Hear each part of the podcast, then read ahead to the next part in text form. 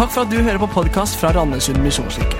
Denne talen er spilt inn på en av våre gudstjenester på søndager klokken 11. Vi håper det du hører, kan være til oppmuntring i hverdagen, og du er hjertelig velkommen til å ta del i vår menighet. Gå inn på mkirken.no eller Randesund misjonskirke på Facebook for mer info. Jeg takker deg for at du er vår frelser, Herre. Takk at vi kan få lov til å ha vårt ankerfeste hos deg for livet. Takk for den trygghet du gir. Takk for den gleden som du gir, Herre. Og så ber vi nå for disse neste minuttene hvor vi skal dele ditt ord, at, at du skal åpenbare ordet ditt, Herre, for oss ved din ånd. Amen. Vi er inne i en serie disse søndagene i februar som vi har kalt Helt fortrolig. Eh, og vi deler disse søndagene noen tekster fra Bibelen som er spesielle tekster. Det er den kvelden, den siste kvelden som Jesus er sammen med sine. Og han vet at han skal dø. Og så deler han der sitt hjerte med de nærmeste. Og gir de gjennom fem kapitler i Johannes evangeliet, fra kapittel 13 til 17, så gir han dem det de trenger når han er borte.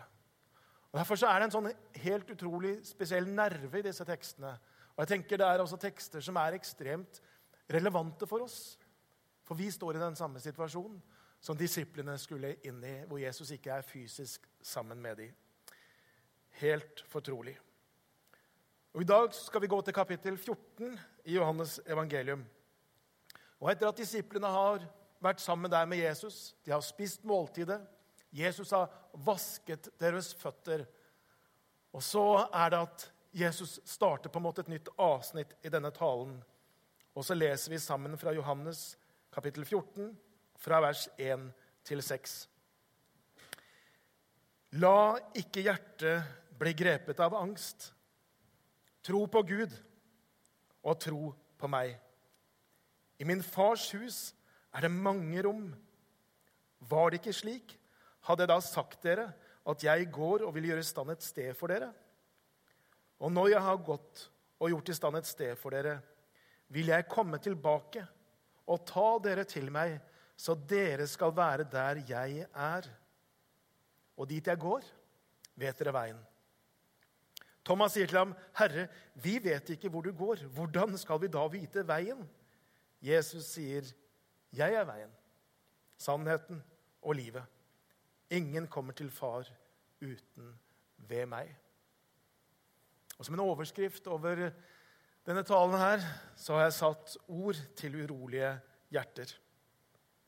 For det er det Jesus peker på. Han begynner denne delen av sin tale på følgende måte.: La ikke hjertet bli grepet av angst. Og så vet vi ingenting hvilke forventninger disiplene hadde når de gikk til denne kvelden, til dette påskemåltidet hvor de skulle feire sammen, hvilke forventninger de hadde til kvelden, det står det ingenting om i Bibelen. Men jeg er sikker på at denne kvelden ble mye vanskeligere enn det de hadde kunnet forestilt seg. For under dette måltidet så annonserer Jesus høyt og tydelig at en av dem, en av de han hadde betrodd, som var hans mest betrodde, en av de han hadde delt alt med, en av hans aller nærmeste, at en av dem skulle forråde ham. Og etter at Judas har forlatt måltid og gått ut i natten, som det står, så vender Jesus seg til Peter og forteller at før hanen galer, før morgenen er der, så kommer Peter, lederen blant dem, den djerveste, til å fornekte ham. Om ikke det var nok, så sier Jesus flere ganger at han blir hos de en liten stund, men at han går bort. Han går. Og de skjønner at på en eller annen måte så blir han borte fra dem. Denne kvelden må ha vært i ferd med å utvikle seg til å bli virkelig en katastrofe. Det er elleve dypt sjokkerte disipler som sitter der. Blodet er i ferd med å fryse i årene deres. Klumpen i magen vokser. Stemningen må ha vært blytung. Og så sier Jesus dette. La ikke hjertet bli grepet av angst. Ja, En kan jo nesten se for seg at det er litt lite forståelsesfullt av Jesus å si det.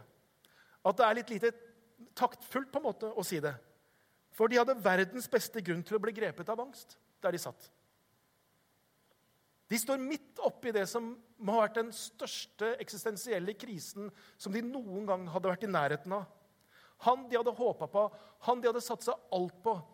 Han sier at han skal gå bort, han skal gå fra dem, han skal dø. Disippelgruppen, som hadde vært så tett og sammenspleisa, plutselig så ser de at den er i ferd nærmest med å falle fra hverandre. Alt de hadde satsa på, holder på å forsvinne under føttene på dem. De holder på å miste alt. Og jeg skjønner godt hvis de begynner å tvile der de sitter rundt bordet. Har vi satsa alt på feil kort? Er ikke Jesus den han, vi trodde han var? Og Det er fullt forståelig om noen lar seg gripe av angst eller frykt i den situasjonen. Ja, Egentlig så er det helt naturlig at man kjenner på det.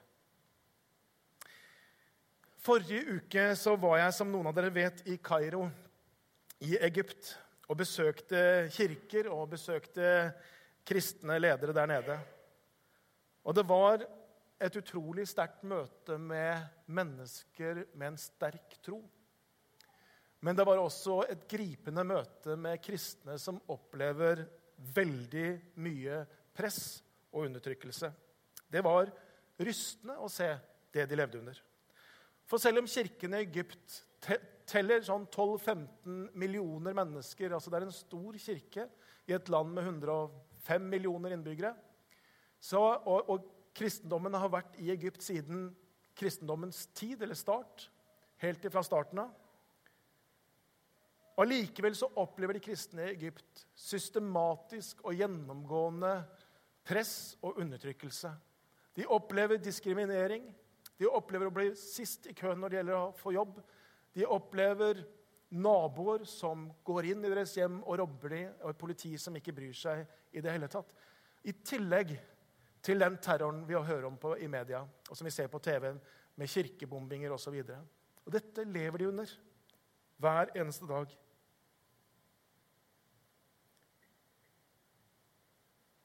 At de har god grunn til å frykte, det blei overtydelig når vi var på gudstjeneste i den kirken som det er bildet her, den største evangeliske kirken som ligger midt i Kairo sentrum. Og Så kom vi ut av denne gudstjenesten, og så ser vi at rundt kirken så er det over 100 tungt bevæpna soldater med pansrede kjøretøyer og barrikader for å beskytte kirken mot terror. De lever under på en måte en reell risiko. Og en av kirkelederne som vi snakket med, han sa, han sa den viktigste, eller den virkelige kampen for kristne i Egypt, hva er det? Han sa det er å ikke bøye kne for frykten. Å ikke bøye kne for frykten. Ikke la frykten ramme. Ikke la frykten eh, bringe oss til taushet. Ikke la frykten skremme oss til å flykte herfra. Han sa Det er den største kampen vi står i. Og så har vi våre utfordringer, vi som bor her, som er annerledes enn de kristne i Egypt. Det kan ikke sammenlignes. Men også vi kan kjenne noen ganger kan vi ikke det, på frykt, på angst, i den verden og det samfunnet som vi lever i. Og så Vi kan oppleve noe av presset fra et storsamfunn, sånn som de kristne i Egypt kan oppleve på en helt annen måte. Mennesker som er kritiske til religion eller til konservativ kristendom helt spesielt. Og Jeg møter kristne innimellom ja, som syns det er vanskelig å være kristen på jobben. Som syns det er vanskelig å delta i samtalen i lunsjen. Som syns det er vanskelig å være frimodig med sin tro, og som kjenner noe av dette presset, noe av denne frykten. Jesu ord til disiplene den gang er også Jesu ord til oss. La ikke hjertet bli grepet av angst. La ikke hjertet bli grepet av angst. Og så er jo spørsmålet men hva er det han da sier? Hvorfor er det ikke de trenger å la hjertet bli grepet av angst? Og jeg tenker Hvis det hjalp for disiplene den gang, så hjelper det helt sikkert også oss. For når Jesus står der og ser utover de elleve som sitter her, så vet han jo at det de kommer til å gå gjennom, det er massiv lidelse. De elleve som sitter der, de kommer til å oppleve å bli piska. De kommer til å oppleve å bli fengsla. De kommer til å oppleve å bli korsfesta opp ned, som noen av de ble. Brent levende, dratt ifra hverandre av ville dyr. De, han vet at de kommer til å oppleve det. Han kan ikke si at alt kommer til, liksom bare til å ordne seg eller gå bra. Men hva er det han sier? Han sier i hvert fall tre ting som jeg har lyst til å peke på. Og Det ene det er dette at du har et hjem. Du har alltid et hjem. Det er det første jeg har lyst til å peke på. Han sier i vers 2.: I min fars hus er det mange rom. Var det ikke slik, hadde jeg da sagt dere at jeg går og vil gjøre i stand et sted for dere. I min fars hus er det mange rom. Og så går han og gjør i stand et sted. Og Jesus peker på at midt i det vonde, midt i det utfordrende, midt i det indre kaoset, så skal de få lov til å vite dette, at de har et sted, et spesielt sted som Jesus forbereder for dem. Han sier uansett hva som skjer, så skal dere vite dette. Dere har et hjem. Dere har alltid et hjem. Og det å ha et hjem er faktisk utrolig viktig. Det er viktig for sånn rent eksistensielt så er det viktig å ha et hjem. Jeg vet ikke om du har tenkt på det. Men de som har vært hjemløse, de som har har bodd på gata osv., de sier at det verste er ikke nødvendigvis sulten som følger med. Det verste er nødvendigvis ikke mangel på komfort. Men det verste det er dette å ikke ha ett eneste sted du kan definere som hjem. Ikke ha ett eneste sted som du kan vite det er mitt sted. Der tilhører jeg. De sier det er det verste ved å være hjemløs. Den sveitsiske legen Paul Tournier sier i boken 'A Place for You' Han sier barn som aldri erfarer et virkelig hjem, en familie, et sted å tilhøre. Et slikt barn vil ofte utvikle mangelfull evne til tilknytning. Vi trenger et hjem, rett og slett for å kunne bli gode og sunne mennesker. Et hjem er på mange måter uvurderlig. Det, måte, det er ikke noen prislapp på det.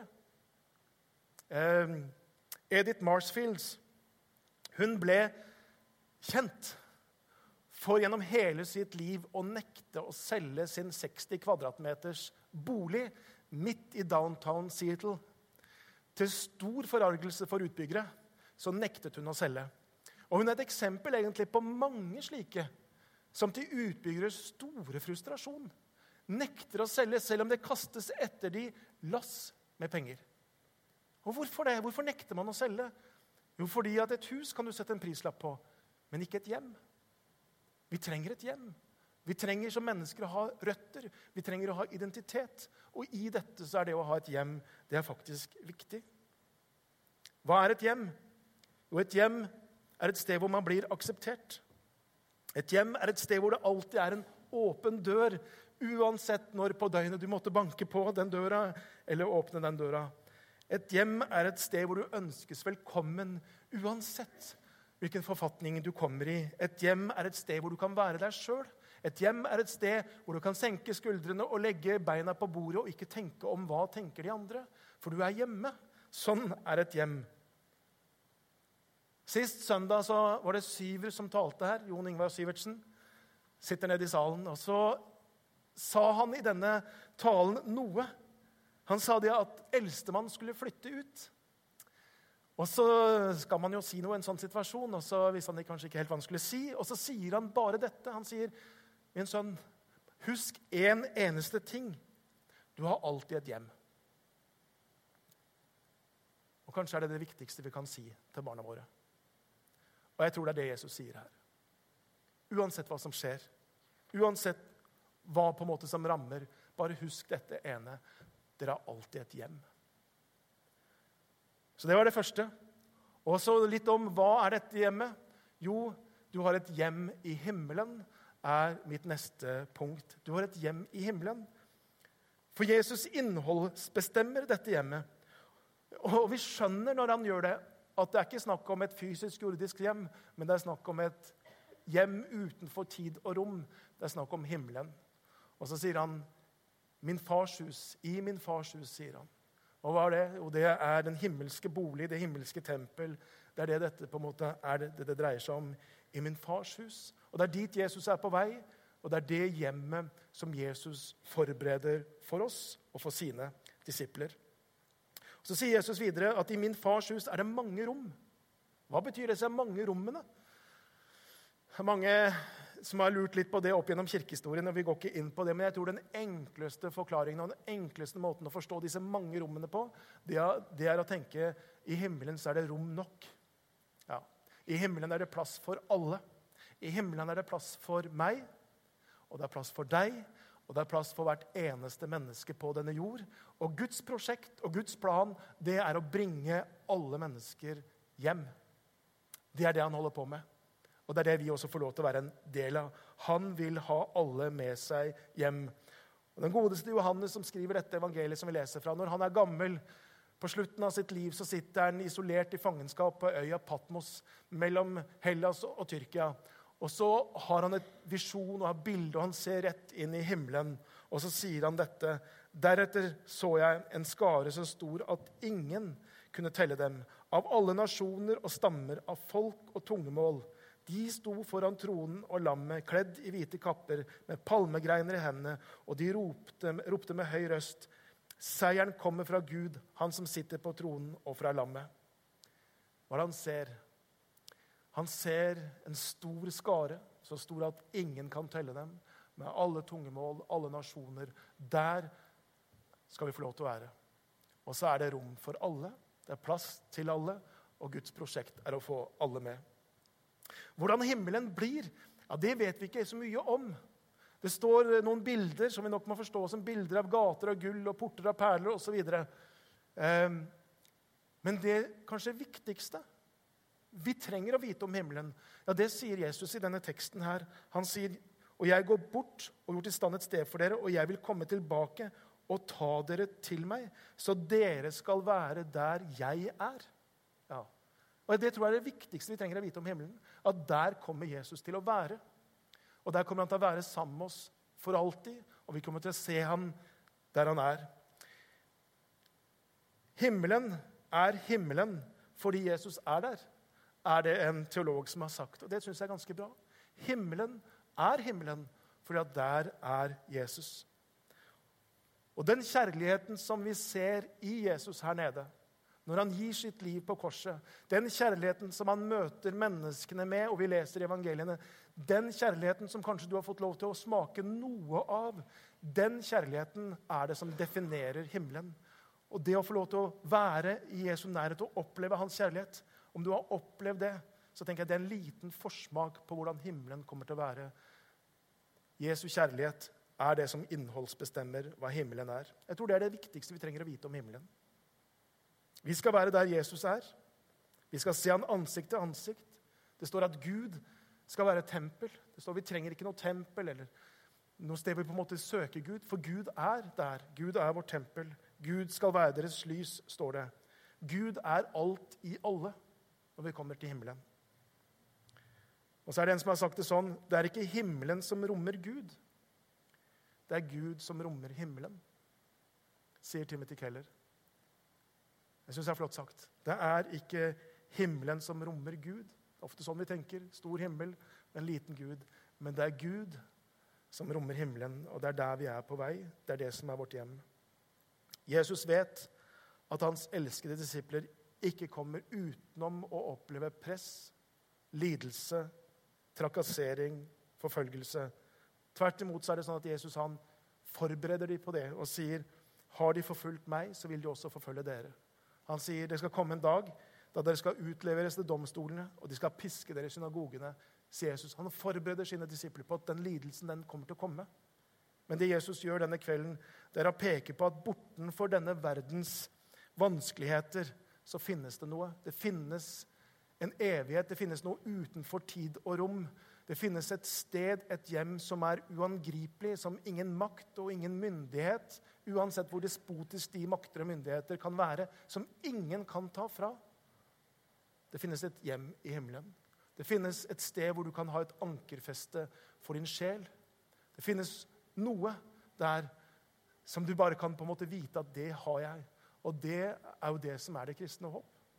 Og Derfor så ser vi også disiplene, hvordan de understreker dette med håpet. Peter han som sitter der rundt bordet, han sier det slik.: Lovet være Gud, vår Herre Jesu Kristi Far, Han som i sin rike miskunn har født oss på ny og gitt oss et levende håp ved Jesu Kristi oppstandelse fra de døde.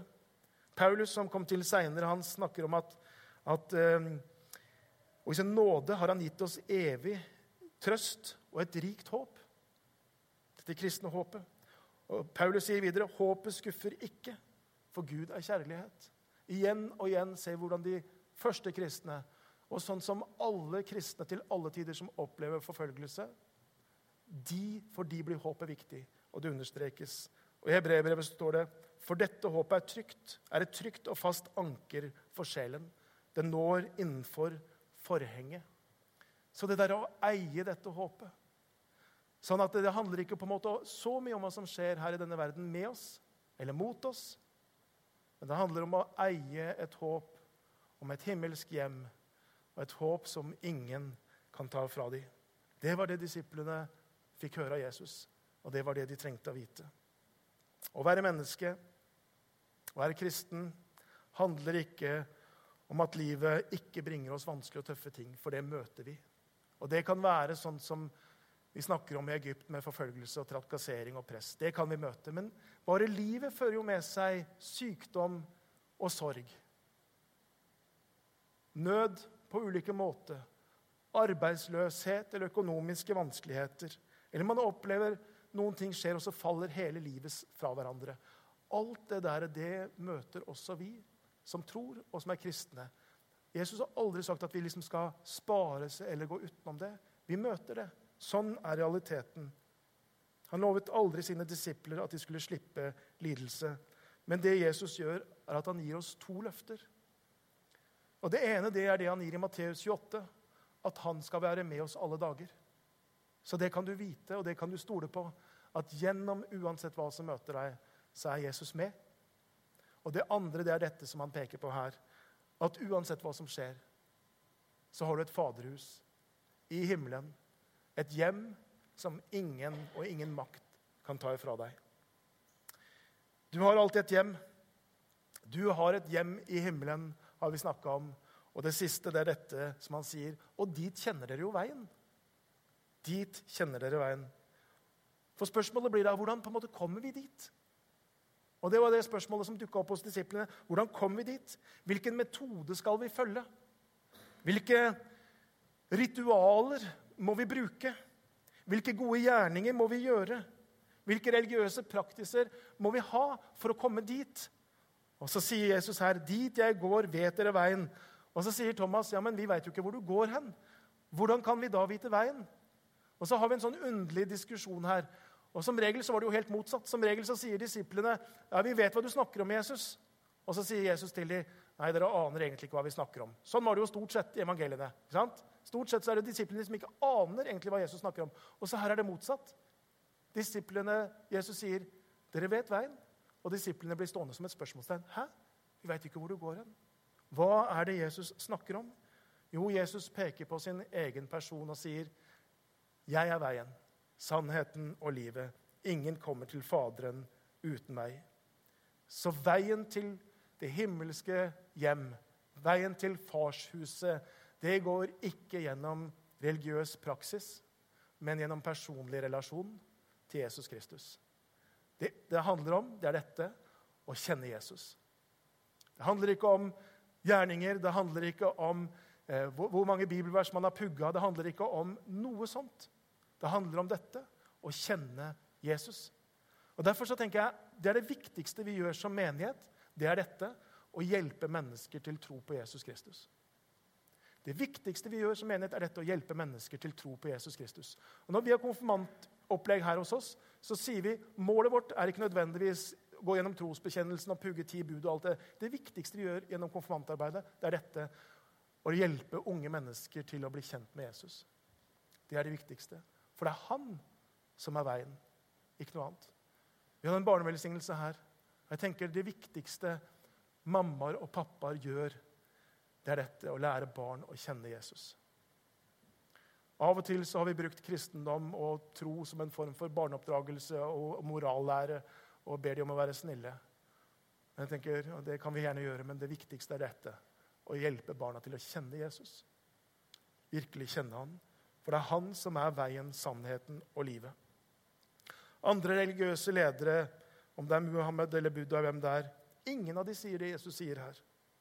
Andre religiøse ledere de har sagt, 'Følg meg, og jeg vil vise deg hvordan du finner sannheten.' Og Jesus han står fram og sier, 'Jeg er sannheten'. Andre religiøse ledere har sagt, 'Følg meg, og jeg vil vise deg frelsens vei.' Men Jesus sier, 'Jeg er veien til evig liv'. Andre religiøse ledere har sagt, 'Følg meg, og jeg viser deg hvordan du kan bli opplyst'. Jesus han sa, 'Jeg er verdens lys'. Andre religiøse ledere sier, 'Følg meg, og jeg vil vise deg døren som leder til Gud'. Og Jesus Kristus han sier, 'Jeg er døren'.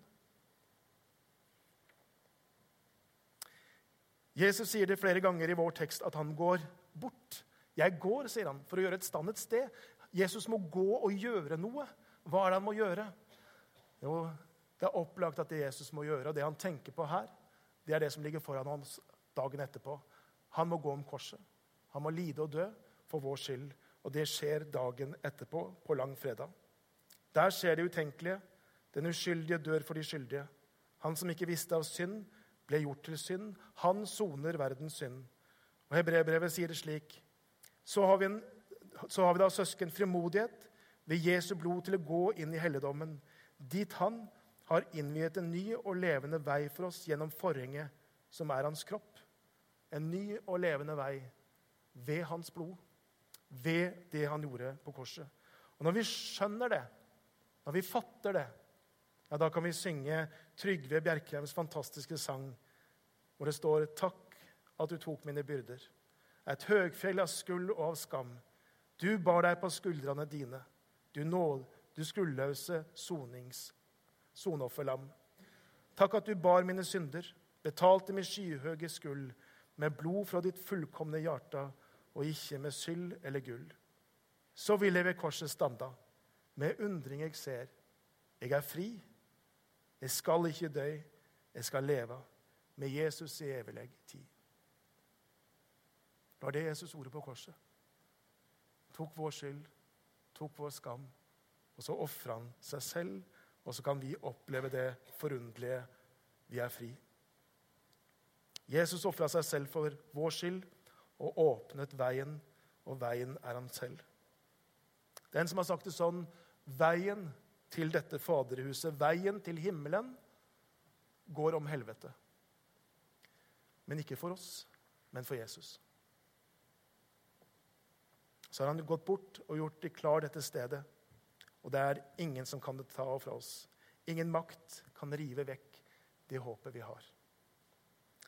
Denne kristne lederen som jeg traff i Egypt, han sa vår største utfordring er dette å ikke bøye kne for frykten. Og så sa han også Men jeg legger merke til at også i Vesten så er det mye frykt. Frykt for økonomi, frykt for å miste jobb, frykt for å bli ansett som mørkemenn, frykt for å bli stigmatisert. Også i Vesten så er det mye frykt, og jeg tror han har rett. Og så tenker jeg at Jesu ord til oss er sånn som til disiplene. La ikke hjertet bli grepet av angst. Tro på meg, tro på Gud, sier han. Ikke bøy kne for frykten. Fest blikket på meg, er det som Jesus sier. Se opp, se fram, tro meg.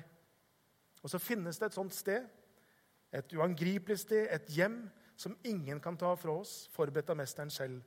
Og veien dit er som sagt ikke religiøs praksis, men personlig relasjon, vennskap med Jesus Kristus selv. Han som sier 'Jeg er veien, sannheten og livet'. La oss be.